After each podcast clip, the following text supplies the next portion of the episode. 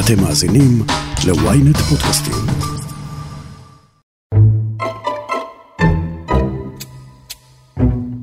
בשבועות האחרונים עושה רושם שצמד מילים חדש השתלט על השיח הציבורי. שתי מילים. נתניהו מבהיר. אנחנו נשמור על הסטטוס קוו, איש באמונתו יחיה. אגב, אם אני כבר דן בזה, אני מבקש להרגיע את השיח הציבורי. המדינה לא תיהרס, הדמוקרטיה לא תחרב. לא, בדמוקרטיה לא עוצרים את ראשי האופוזיציה. אנחנו לא ניתן להפלות לרעה להט"בים או לפגוע בזכויותיהם של שאר אזרחי ישראל. כן, ראש הממשלה מוצא את עצמו כל הזמן מנסה להרגיע את השמאל והמרכז. אפילו הייתה יממה אחת עם ארבע עברות שונות. אבל רגע, לא הסבירו לנו שאחד מעקרונות האסטרטגיה של נתניהו הוא להיצמד לימין בכל מחיר? איך הוא עומד להתמודד עם כהונה שבה הוא מלוהק לתפקיד השמאלן של הממשלה? אני ישי שנרב, וזאת הכותרת.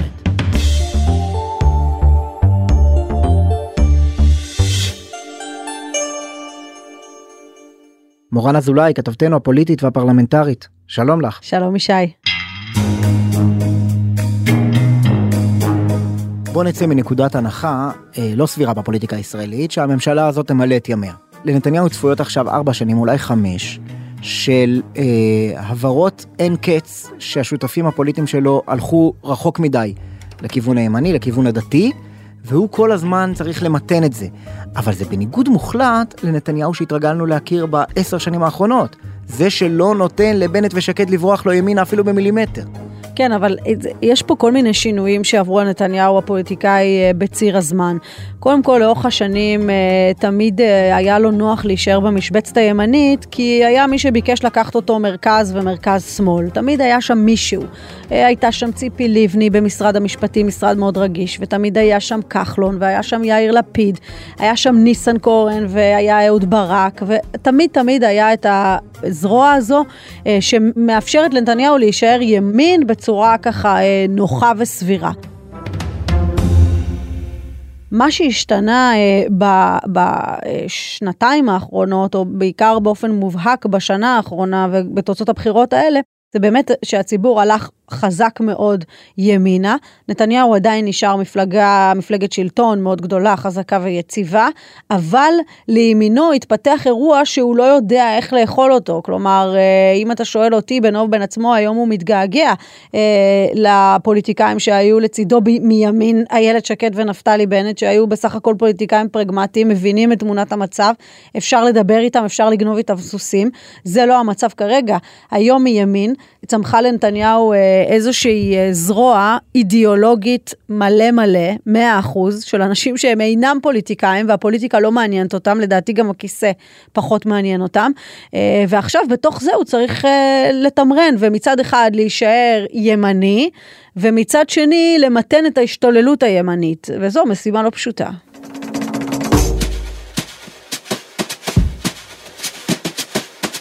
אחת הקביעות הראשונות של נתניהו בפוליטיקה הייתה הסכם חברון והסכמי וואי שחתם עליהם כראש ממשלה, בקדנציה הראשונה עוד בשנות ה-90. A few minutes ago, Prime Minister Netanyahu and Chairman Arafat called me to tell me that they have reached agreement on the Israeli redeployment in Hebron. And it brings us another step closer to a lasting, secure Middle East peace. מרץ הפגינה בעדו, והימין עשה לאופוזיציה. עוזי לנדאו הטיח מה ההבדל כבר בינינו לבין מפלגת העבודה, ובני בגין רמז שנתניהו משקר. התוצאה, אובדן השלטון והפסד משפיל לאהוד ברק. כשנתניהו חזר ללשכת ראש הממשלה ב-2009, זה כבר לא קרה לו. הוא לא נתפס יותר באוף סייד ביחס לימין. בכל פעם שבנט ניסה לעקוף מימין, נתניהו היה שם יחד איתו. ביום שאלאור עזריה ירה במחבל בחברון, נתניהו פרסם גינוי, יחד עם יעלון. אבל אחרי הזעם בימין, הוא ריכך את עמדתו וצלצל לאביו של עזריה. טלי, אני, אני מבין ללבך, אני גם סומך על, על הבדיקה וייתנו לו את כל הזכות להגן על עצמו. אוקיי, תודה רבה אדוני ראש הממשלה. ב-2018, כשהכריז על מתווה עם האו"ם להסדרת מעמד הפליטים, הימין רתח. אלה שיישארו, יישארו כאן במעמד זמני לחמש שנים הקרובות. אבל אנחנו נוציא אותם מדרום תל אביב, נביא אותם למושבים, לקיבוצים, כדי שהנטל לא ייפול על שכונות המצוקה. שעות ספורות אחר כך נתניהו חזר בו וכתב בפייסבוק, אני קשוב אליכם כמו תמיד, ולכן משעה את ההסכם. צריך אה, לקחת בחשבון אה, דבר שהוא אה, מאוד מאוד רלוונטי למשוואה הזאת שאתה משרטט, שנתניהו של היום הוא לא נתניהו של אז, נתניהו של היום מתקרב כבר לסוף הקריירה הפוליטית שלו, צריך להגיד, גם בגלל גילו, גם בגלל הרקורד שלו, ואולי אפילו בגלל משפטו. צריך גם את זה להגיד, אף אחד לא יודע אם לא תהיה פה עסקת טיעון בקרוב. עכשיו, אם אתה מסתכל על הקדנציה הזו ולוקח בחשבון אפשרות, אני לא אומרת שזאת האפשרות היחידה, אבל אם אתה לוקח אפשרות שזאת הקדנציה האחרונה שלך, נתניהו כראש ממשלה, אז אתה כבר מסתכל על הכל אחרת. וכדי להבין את זה, אני לוקחת אותך רגע ל- ללילה שבו פורסמו המדגמים, תוצאות הבחירות האחרונות, נתניהו אה, יושב אה, בבית המלון בתל אביב, אה, בקומה שביעית שנסגרה עבורו, רואה את תוצאות הבחירות, מבין את גודל הברוך, נכנס עם היועצים המצומצמים שלו לחדר, ושם נאמר לו על ידי חלקם, צריך עכשיו להרגיע. רואים את ההרכב הזה, הרכב של ממשלה שהיא מצד אחד ליכוד ומצד שני יש בה גם את האגף החרד"לי ואת החרדי וכולי. ואומרים לו, תשמע, זו הקדנציה שבעצם תעצב את המורשת שלך, ככה יזכרו אותך הלאה. צריך לקחת את הדבר הזה בחשבון, ואז הוא באמת עולה ונותן איזשהו נאום, והוא מדגיש שהוא יהיה ראש הממשלה של כולם, אה, והוא אה, בעצם מנסה להרגיע ולמתן את השיח, אנחנו רואים את זה גם עכשיו בימים האחרונים. אז אם, אם אתה מסתכל על הקדנציה הזו כקדנציה שיכולה להיות אחרונה, לבין uh, תקופה שבה אתה צובר את כוחך הפוליטי ובונה את ה-DNA שלך, זה שני אירועים אחרים לגמרי. אבל שמענו כל כך הרבה פעמים שנתניהו בקדנציה האחרונה, ושהוא אוטוטו יוצא מהמערכת הפוליטית, הוא עצמו חושב על הקדנציה הזאת במונחי קדנציה אחרונה? אני חושבת שסביבו uh, מדברים על זה כבר בקול רם, um, וזו, וזה למה אתה רואה את ההתמתנות. אני מניחה שאם הוא לא היה הולך לקדנציה האחרונה, אתה לא היית אה, רואה את הניסיון לרצות גם גורמים אחרים. כלומר, להבהיר כל הזמן שהדמוקרטיה לא לקראת סיום, ושלא תהיה פגיעה פה, לא בלהט"ב ולא במיעוטים, אה, ואף אחד פה לא ייעצר ודברים מהסוג הזה, שלא בהכרח מצלצלים טוב לאוזניים של הימין ימין, זאת אומרת מימינו. אה, שים לב שההתנערות של בן גביר למשל, שעכשיו בונה את ה-DNA שלו ואת ה-base הפוליטי שלו, הרבה יותר מיליטנטי מאשר נתניהו, שנמצא במקום אה, טיפ, טיפה יותר רגוע, ובעצם אתה, אתה מסתכל על בן גביר, אתה מסתכל על נתניהו, אתה רואה את הטון ואתה מבין. פה מדובר בפוליטיקאי בתחילת דרכו שצריך לאסוף אליו את הימין, פה מדובר בפוליטיקאי בסוף דרכו שכבר אסף את הימין. שיכול ועכשיו... להרשות לעצמו לב... לברוח מהימין? שיכול להרשות לעצמו אה, לא לברוח מהימין, אבל אה, להפסיק לרצות. שהימין יברח לא. להפסיק לרצות, אה, ככה אני רואה את זה. בן גביר נמצא במצב שבן גביר ושחקני הימין האחרים נמצאים במצב שהם כל הזמן צריכים לרצות את הימין ולא משנה מה המחיר הפוליטי, התקשורתי, הציבורי, אל מול נתניהו שכבר שילם את כל המחירים האלה, כבר היה שם, כבר ראה הכל, הוא נמצא שם, הוא המנהיג הבלתי מעורר של המחנה הזה, ולא על הדבר הזה הוא ייפול. אז בעצם מורן, אם אני מתמצת את התשובה שלך במשפט, נתניהו לא בונה על קדנציה נוספת, או לפחות הוא לא חושב שיש סכנה למעמדו בימין, אפילו אם זאת תהיה כהונה של הבהרות, של עימותים, עם סמוטריץ', עם בן גביר, עם גפני, עם גולדקנופ, והוא כל הזמן יהיה בקריצה לסעודיה. אני, אני חושבת שאנחנו כן מתקרבים אה, לסיום הקריירה הפוליטית של נתניהו, אני לא יודעת להגיד כמה זמן זה ייקח, אבל אנחנו לגמרי לדעתי בישורת האחרונה, אי אפשר לנתק את זה מהמשפט. אנחנו יכולים להמשיך לדון כאן ברפורמות המשפטיות, בתוכנית שלו ליוקר המחיה, באסטרטגיה שלו מול הציבור הימני, אבל בוקר אחד להתעורר לבום שאומר הסדר טיעון, נתניהו פורש מהחיים הפוליטיים, גם זאת אפשרות. אה, זאת אומרת, שמענו את אהרון ברק אה, לא מזמן מספר איך, אה, איך עורכי הדין של נתניהו באו וביררו דבר כזה, אז אתה יודע, זה לא בא בחלל ריק.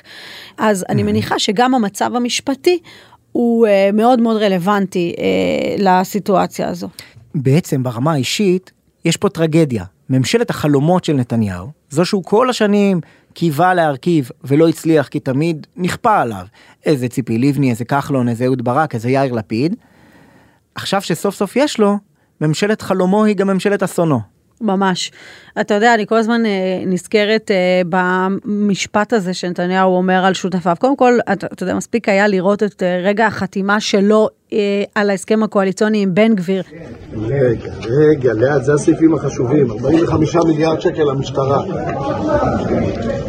אדוני ראש הממשלה, יישר כוח על 45 מיליון שקל למשטרה, חשוב מאוד. נשתמש בזה לטובת העם. אמן, אמן. את הפרצוף הזה שכמעט בז לסיטואציה, שבן גביר ככה בשיא ההתלהבות, ראש הממשלה, אנחנו, יש פה תקציבים למשטרה וכולי, ואתה רואה נתניהו עד כמה הוא סובל בסיטואציה הזו, ואפשר רק להסיק מה דעתו על השותף בן גביר, שלא לדבר על דעתו על השותף סמוטריץ', שכבר אמרנו בכל מיני פורומים סגורים, הוא אומר, מדובר באדם שקם בבוקר, מדבר ישירות עם אלוהים, אין לו רבנים, אין לו מתווכים, אתה לא יכול להשפיע עליו בשום צורה. עכשיו סמוטריץ' זה שם קוד לאורית סטרוק ולאנשים אחרים שמסתובבים שם אה, בזירה הזו, ואיתם נתניהו צריך אה, אה, להתמודד. אז אתה שואל אותי, האם עדיף לא בני גנץ על פני האירוע הבלתי צפוי הזה? לדעתי כל פוליטיקאי, בטח בסדר גודל של נתניהו, תמיד יעדיף אירוע צפוי על פני אירוע לא צפוי מהסוג שהוא חי בו כרגע.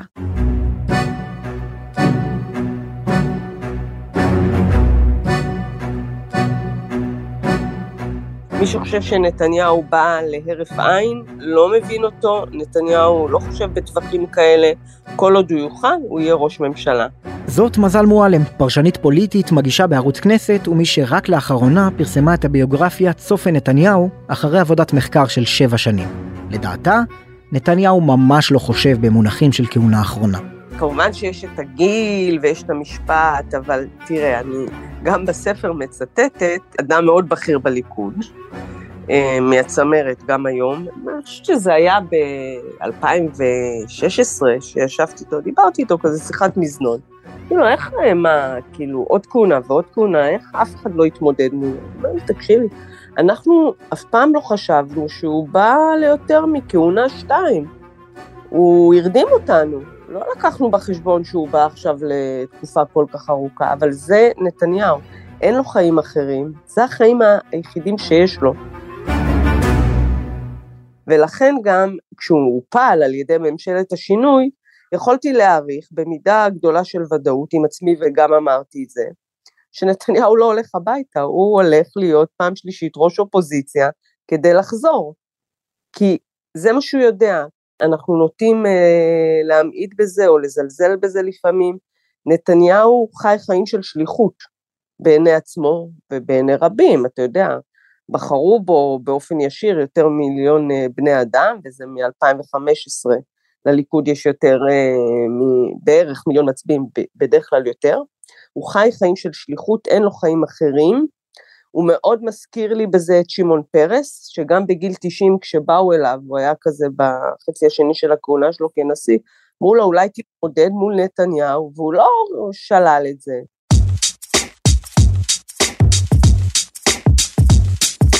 אז אם נתניהו כן בונה על כהונה נוספת, הליהוק לתפקיד ראש ממשלת ההבהרות מחייב אותו לבנות מחדש את האסטרטגיה הפוליטית שלו, לכפור באחד מעקרונותיו המקודשים, האם אפשר לצאת מדי שבוע נגד הרפורמות שמציעים השותפים מהימין ולא להינזק בדעת הקהל של ה-base?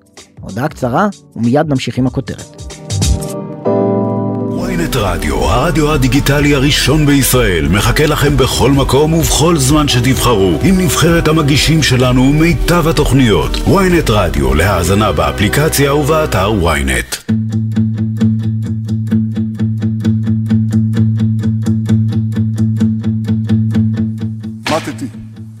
שלוש פעמים. ב-99, מוות פוליטי, הפסדתי את הבחירות, נגמר.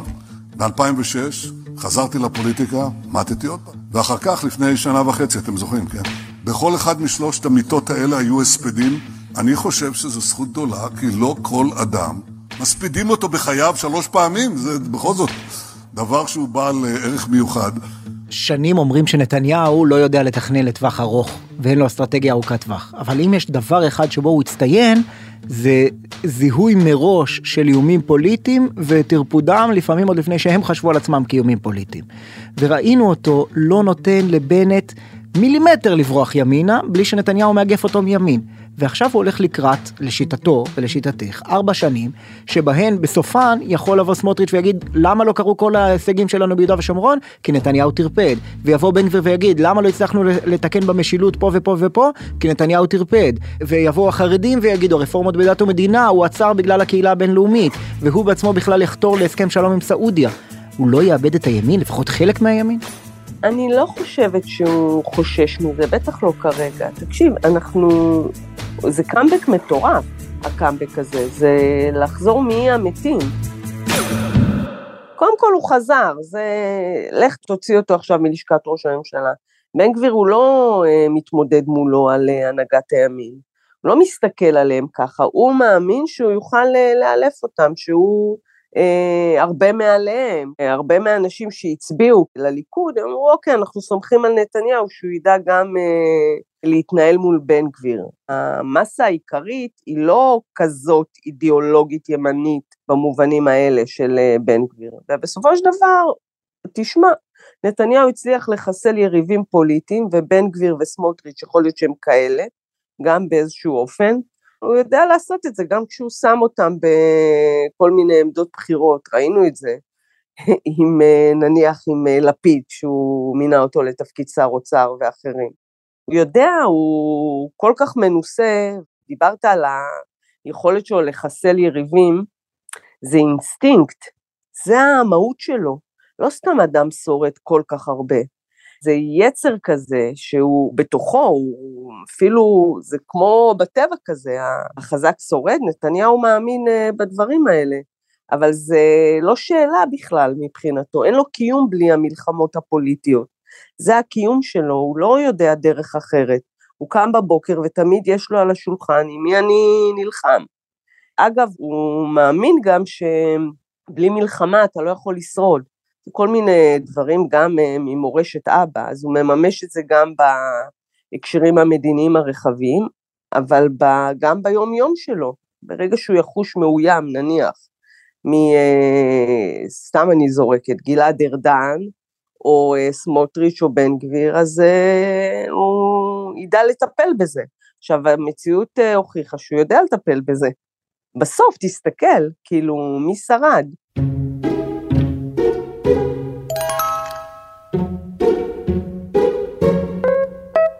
כדי להבין עד כמה המצב החדש זר לי נתניהו, צריך לחזור לראיון אחד שפורסם בשנת 2019 במקור ראשון. יושב ראש סיעת כולנו, רועי פולקמן, בדיוק סיים קדנציה עם כחלון כשותף הבכיר של נתניהו, וזה שבלם כל יוזמה לשינוי מערכת המשפט. שימו לב מה הוא מספר בריאיון. בלמנו חוקים מסוימים בתיאום עם ראש הממשלה, סיפר פולקמן. ברוב יוזמות החקיקה שבהן הייתי הסמן הלעומתי, הדברים היו על דעתו. גם ראש הממשלה ברוב הנושאים רוצה לראות את הדברים פועלים באופן ממלכתי ומאוזן. ב-99% מהמקרים שבהן שמתי גבולות לקואליציה, זה לא הפריע לראש הממשלה, אלא סייע לו. תמיד, תמיד, בכל הממשלות שלו, והוא הקים חמש ממשלות לפני זו, היה אלמנט שמאלי מרכזי. משתי סיבות. אחת, זה תמיד אה, אפשר לו גם אה, או להלך אימים או להראות לימין בממשלה שלו שהוא לא תלוי בהם, והסיבה השנייה זה שיקולים בינלאומיים, ממשלה עם אלמנט שמאלי תמיד נראה טוב יותר כלפי חוץ, בטח מול אה, ממשלים אמריקאים, דמוקרטיים, ואלה היו ברוב שנותיו. אבל במשך שנים הסבירו לנו שה... הממשלות האלה עם גורם אה, מרכזי יותר, אם זה ציפי לבני, אם זה יאיר לפיד, אם זה אהוד ברק, אם זה כחלון אחר כך, אה, היו כורח שנכפה על נתניהו מתוקף הנסיבות הפוליטיות, ולא רצונו האמיתי הוא אה, לעשות את הרפורמות המשפטיות שיריב לוין חולם עליהן, ולעשות את הרפורמות ביהודה ושומרון שסמוטריץ' חולם עליהן, ולעשות את רפורמות המשילות שבן גביר חולם עליהן, פשוט לא הייתה לו את האפשרות לכך. תראה, קודם כל זה לא נכון, למשל כשהוא חוזר ב-2009, אחרי עשר שנים, שהוא באמת עובר איזשהו מסע לא פשוט לחזרה, הוא יכול להקים ממשלה על טהרת הימין חרדים, והוא לא עושה את זה.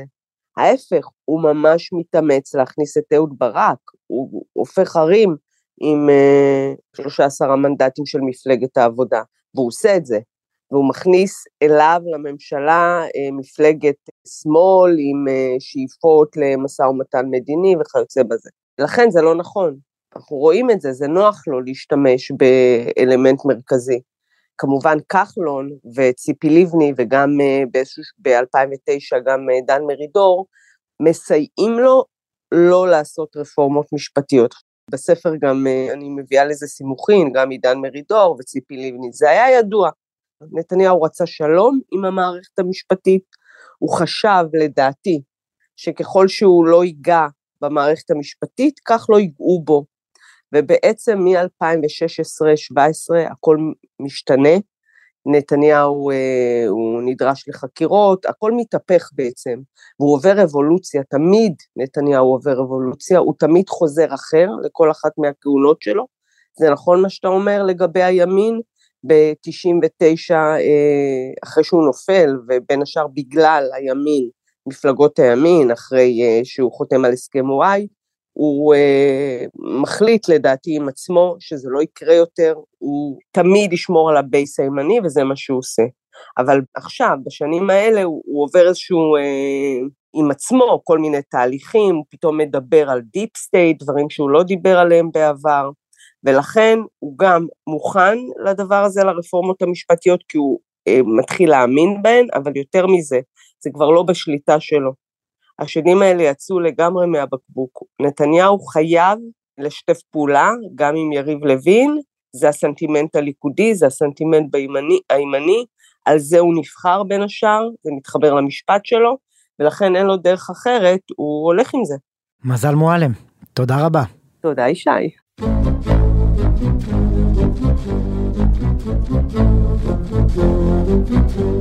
מורן בחזרה אלייך. יכול להיות שהמעמד שנתניהו הרוויח בתוך הימין בשנים האחרונות יאפשר לו לא לאבד תמיכה קדימה גם ארבע שנים כראש ממשלת ההבהרות? שום דבר ממה שנתניהו זיגזג מרכזה לא פגע בימניות שלו בעיני הציבור שלו. תראה עד כמה לנתניהו הדבר הזה לא הזיז, כלומר הביקורת כלפיו הייתה נקודתית, אבל שום דבר מזה לא הזיק לו ברמה הפוליטית, כולל התיאוריה שאומרת שאם אתה ראש ממשלה ויצאת מבלפור, זו תיאוריה אגב שהוא אה, היה חוזר עליה כל הזמן, שאם אני יוצא מבלפור אנחנו, לא, אנחנו כנראה לא חוזרים, לכן היה איזשהו ניסיון להיאחז חזק חזק, והנה, הוא חזר. חרף כל אה, הדברים שאתה אומר, שהם בעצם אה, אה, מצאו חן בעיני המרכז והשמאל, וגם האירוע הגדול ביותר של מנסור עבאס, שסמוטריץ' ניסה לאתגר אותו מימין ואמר, נתניהו הולך שמאלה, ראינו גם את הקלטת ה... השקרן בן שקרן, בכאן 11. ואם הייתי רוצה לקחת שקרן בן שקרן, בסדר, לא רוצה לכתיבה, שום דבר מזה. לא פגע ביכולת שלו לחזור ללשכת ראש הממשלה, להיות עכשיו מנהיג הימין המבוגר האחראי, ובעצם גם להקים ממשלה כנגד כל הסיכויים. כהונת המורשת של אה, נתניהו. מורן אזולאי, תודה רבה. תודה, ישי.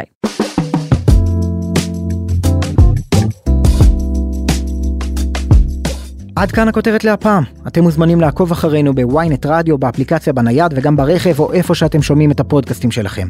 אם זה קורה באפל או בספוטיפיי, תהיו טובים ותנו לנו דירוג. כמה כוכבים שתרצו, העיקר שתדרגו. על הדרך, תאזינו לפרק נוסף שלנו על מקורב לנתניהו. חפשו את הפרק חידת דרמר. תודה לעורך הפודקאסטים רון טוביה, תודה לצוות הכותרת שרון קידון, יואב רבינוביץ', אלי שמעוני וגיא סלם. אני ישי שנרב, נתראה.